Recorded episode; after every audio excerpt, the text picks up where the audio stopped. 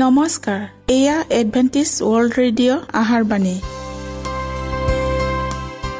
ঊনৈছ মিটাৰ বেণ্ডত পোন্ধৰ হাজাৰ পাঁচশ পঞ্চাছ কিলো হাজত। এডভেণ্টিছ ৱৰ্ল্ড ৰেডিঅ' যোগে অসমীয়া ভাষাত প্ৰচাৰিত আহাৰবাণী প্ৰত্যেক বুধবাৰ আৰু দেওবাৰ সন্ধিয়া সাত বজাত আহাৰবাণী শুনাৰ পিছত আপোনালোকৰ কিবা মন্তব্য আৰু প্ৰশ্ন থাকিলে আমালৈ এই ঠিকনাত লিখক। আমাৰ ঠিকনাটি হৈছে Adventist world radio' seven day Adventist মণ্ডলী অসম শাখা লতাকাটা বশিষ্ট গুৱাহাটী সাত আঠ এক শূন্য দুই ন।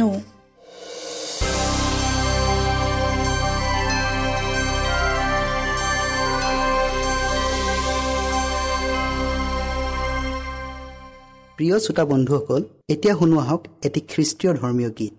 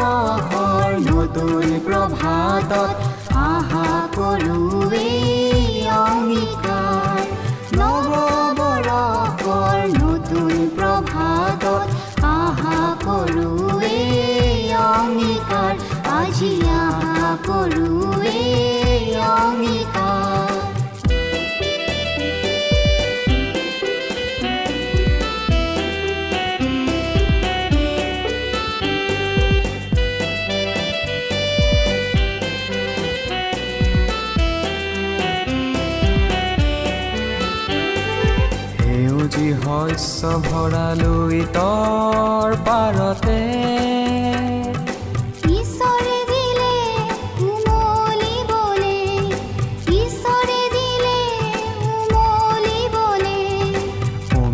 মাধুৰী সানি প্ৰেমৰ বাণীৰে।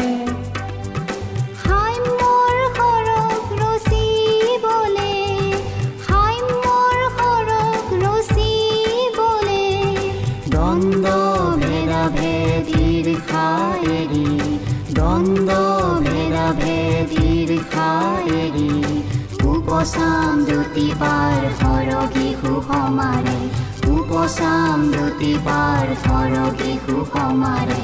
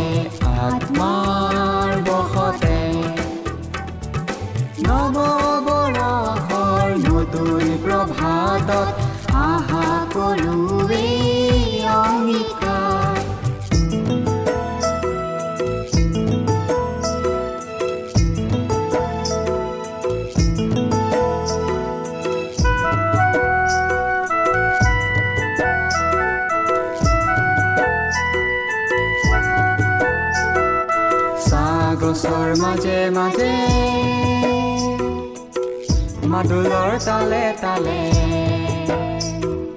চাহ গছৰ মাজে মাজে। মাদুলৰ তালে তালে। প্ৰভু যীশুৰ জুৱলিব মাদুলৰ তালে তালে। প্ৰভু যীশুৰ জুৱলিব মাদলৰ তালে তালে। কলিজাতে গোল সনা কলিজাতে গোল সনা ক্ষমাৰ বাণীৰে সিঁচি যাম শান্তিৰ বীজ হৃদয়তে? সিঁচি যাম শান্তিৰ বীজ হৃদয়তে?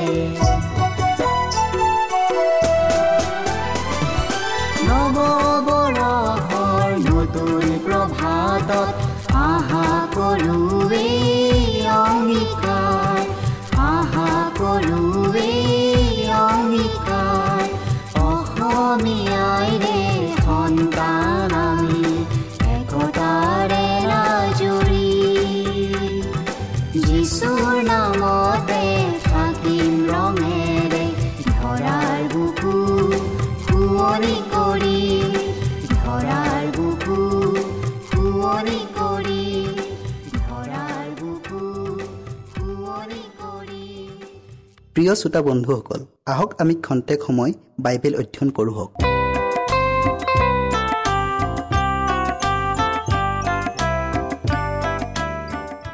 আজিৰ বিষয় হৈছে মোৰ চুবুৰীয়া কোন?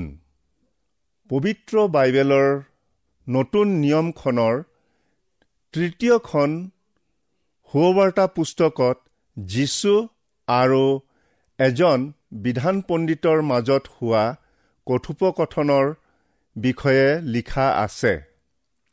বিধান পণ্ডিতজনে যীশুক পৰীক্ষা কৰি চাবৰ মনেৰে সুধিলে হে গুৰু মই কি কৰি অনন্ত জীৱনৰ অধিকাৰী হ'ম? যীশুৱে বিধান পণ্ডিতজনক উত্তৰ দিয়াৰ আগতে যীশুৱে তেওঁক দুটা প্ৰশ্ন কৰিলে। প্ৰথম প্ৰশ্ন বিধানত কি লিখা আছে? আৰু দ্বিতীয় প্ৰশ্ন তুমি কেনেকৈ পঢ়িছা? যীশুৱে প্ৰশ্ন দুটা সোধা মাত্ৰেই বিধান পণ্ডিতজনে শাস্ত্ৰৰ উদ্ধৃতিৰে উত্তৰ দি ক'লে তুমি তোমাৰ সকলো মন সকলো প্ৰাণ আৰু সকলো চিতেৰে তোমাৰ প্ৰভু পৰমেশ্বৰক প্ৰেম কৰা।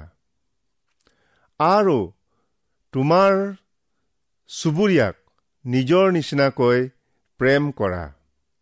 যীশুৱে তেওঁক ক'লে তুমি স্বৰূপ উত্তৰ দিলা। ইয়াকে কৰা তেহে জীৱা বিধান পণ্ডিতজনে তেওঁৰ সমুচিত উত্তৰ পায়ো নিজকে কথাত পাকৈত বুলি ভাবি নিৰ্দোষী হ'বলৈ পুনৰ যীচুক ইচ্ছা কৰিয়েই সুধিলে মোৰ চুবুৰীয়ানো কোন?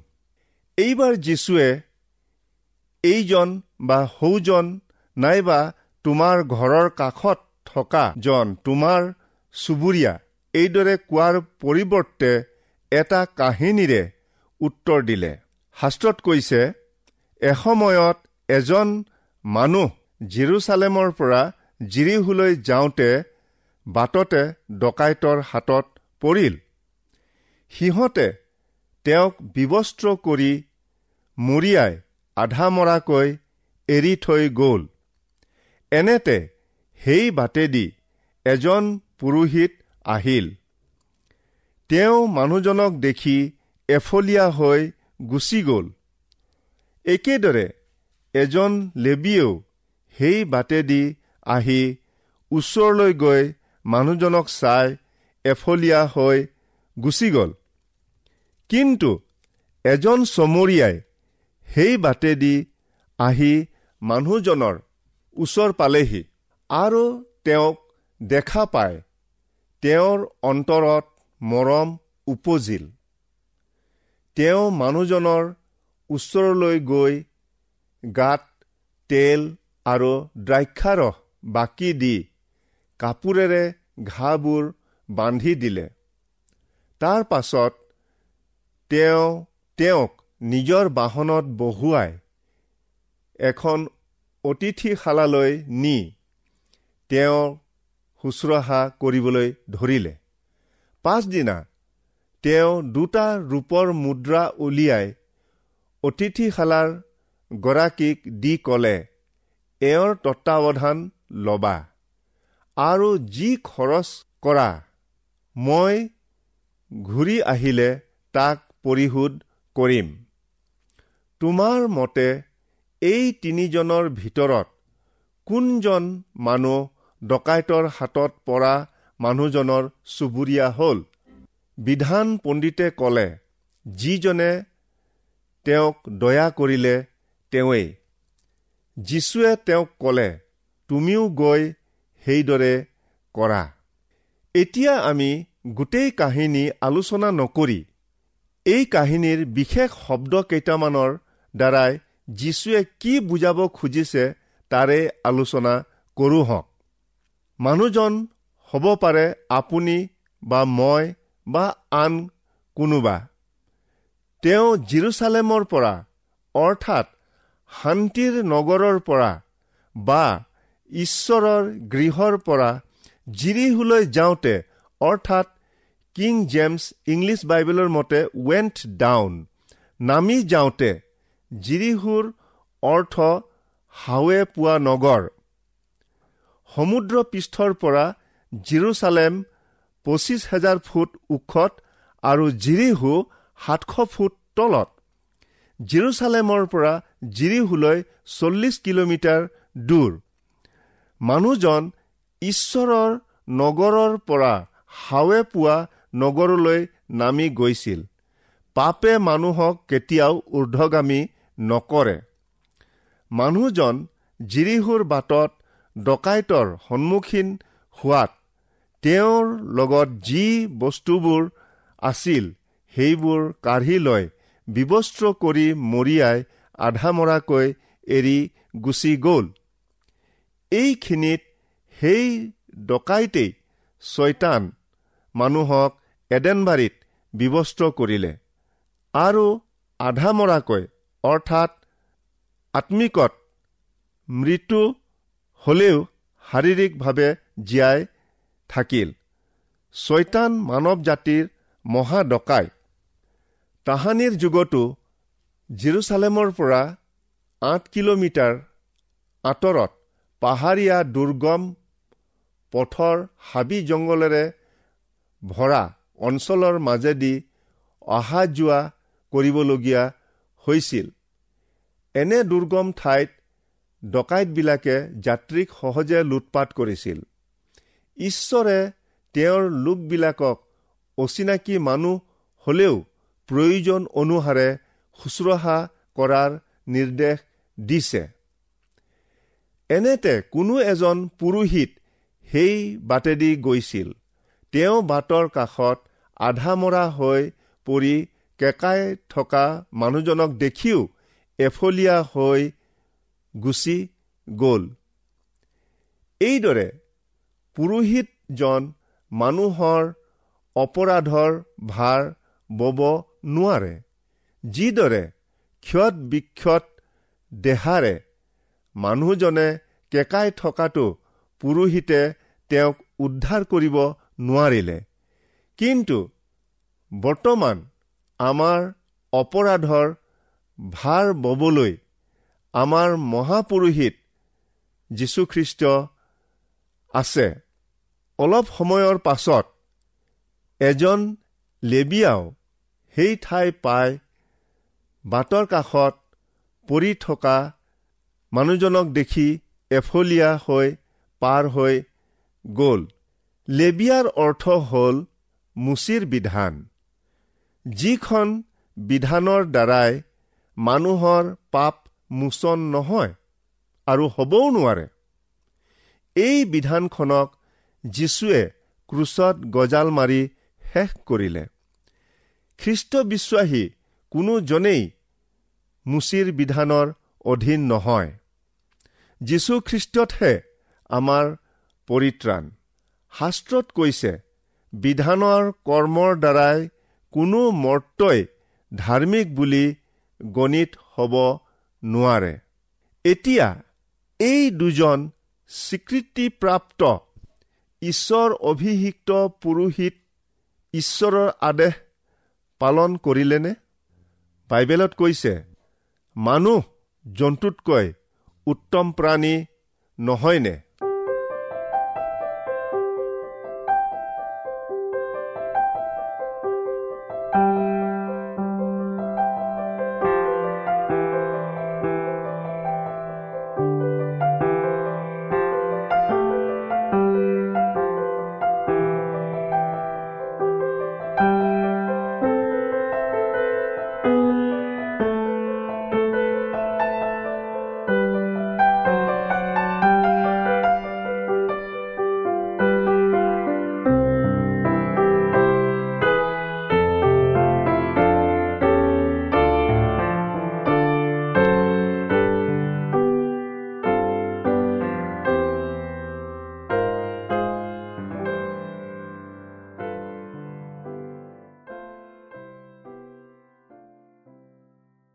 ঈশ্বৰ অভিষিক্ত পুৰুষ দুজনে জেৰুচালেম মন্দিৰত পৰিচৰ্যাৰ কাৰ্য কৰি উভতি আহোঁতে কেকাই থকা মানুহজনক দেখি এফলীয়া হৈ গুচি গ'ল।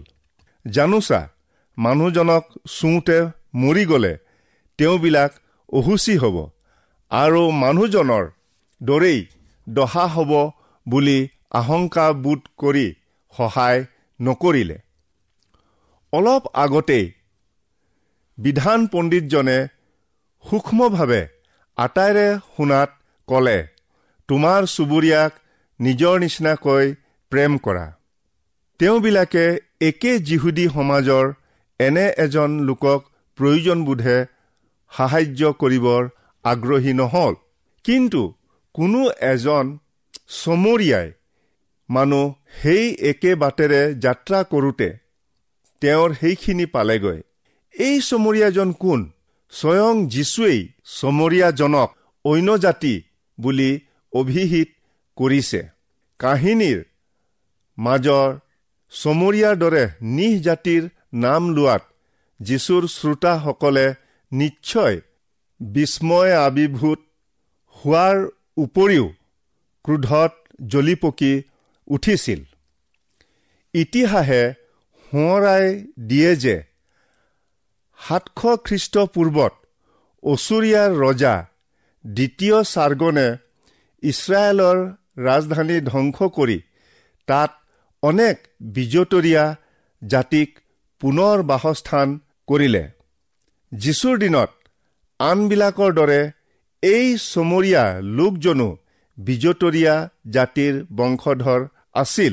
যিহুদীবিলাকে এই বিজতৰীয়া জাতিটোক শত্ৰু যেন জ্ঞান কৰি ঘীন কৰিছিল।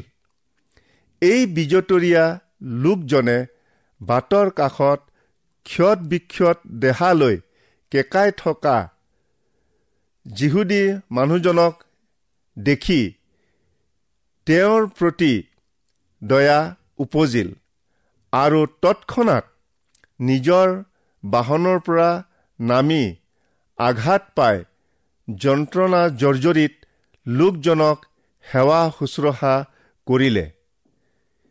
এতিয়া এই চমৰীয়া মানুহজন কাক বুজায় বা কাৰ প্ৰতীকস্বৰূপ বাইবেলত কৈছে যীশু নিজ যিহুদী লোকৰ মাজলৈ আহিল। কিন্তু তেওঁৰ নিজ লোকে তেওঁক গ্ৰহণ নকৰিলে।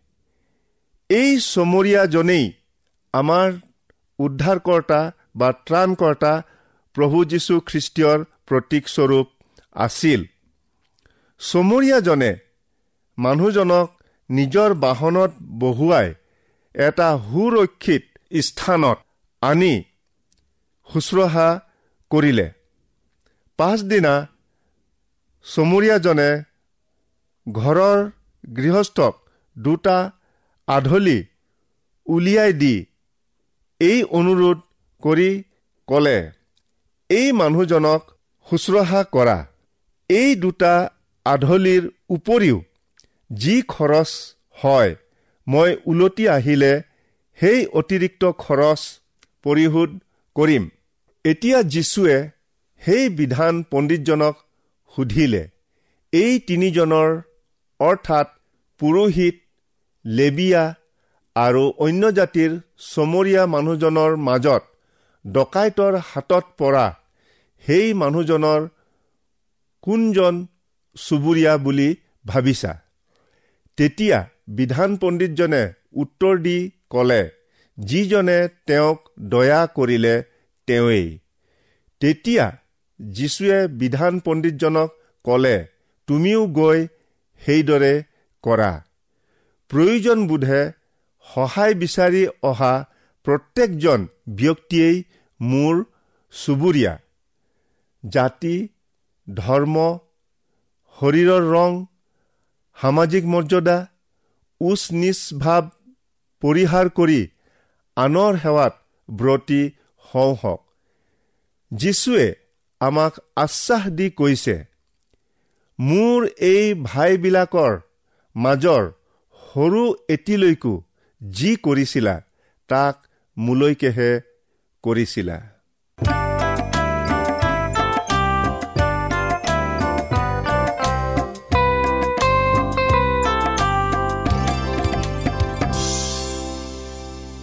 ইমানপৰে আমি বাইবেল অধ্যয়ন কৰিলোঁ। এতিয়া আকৌ শুনো আহক এটি খ্ৰীষ্টীয় ধৰ্মীয় গীত।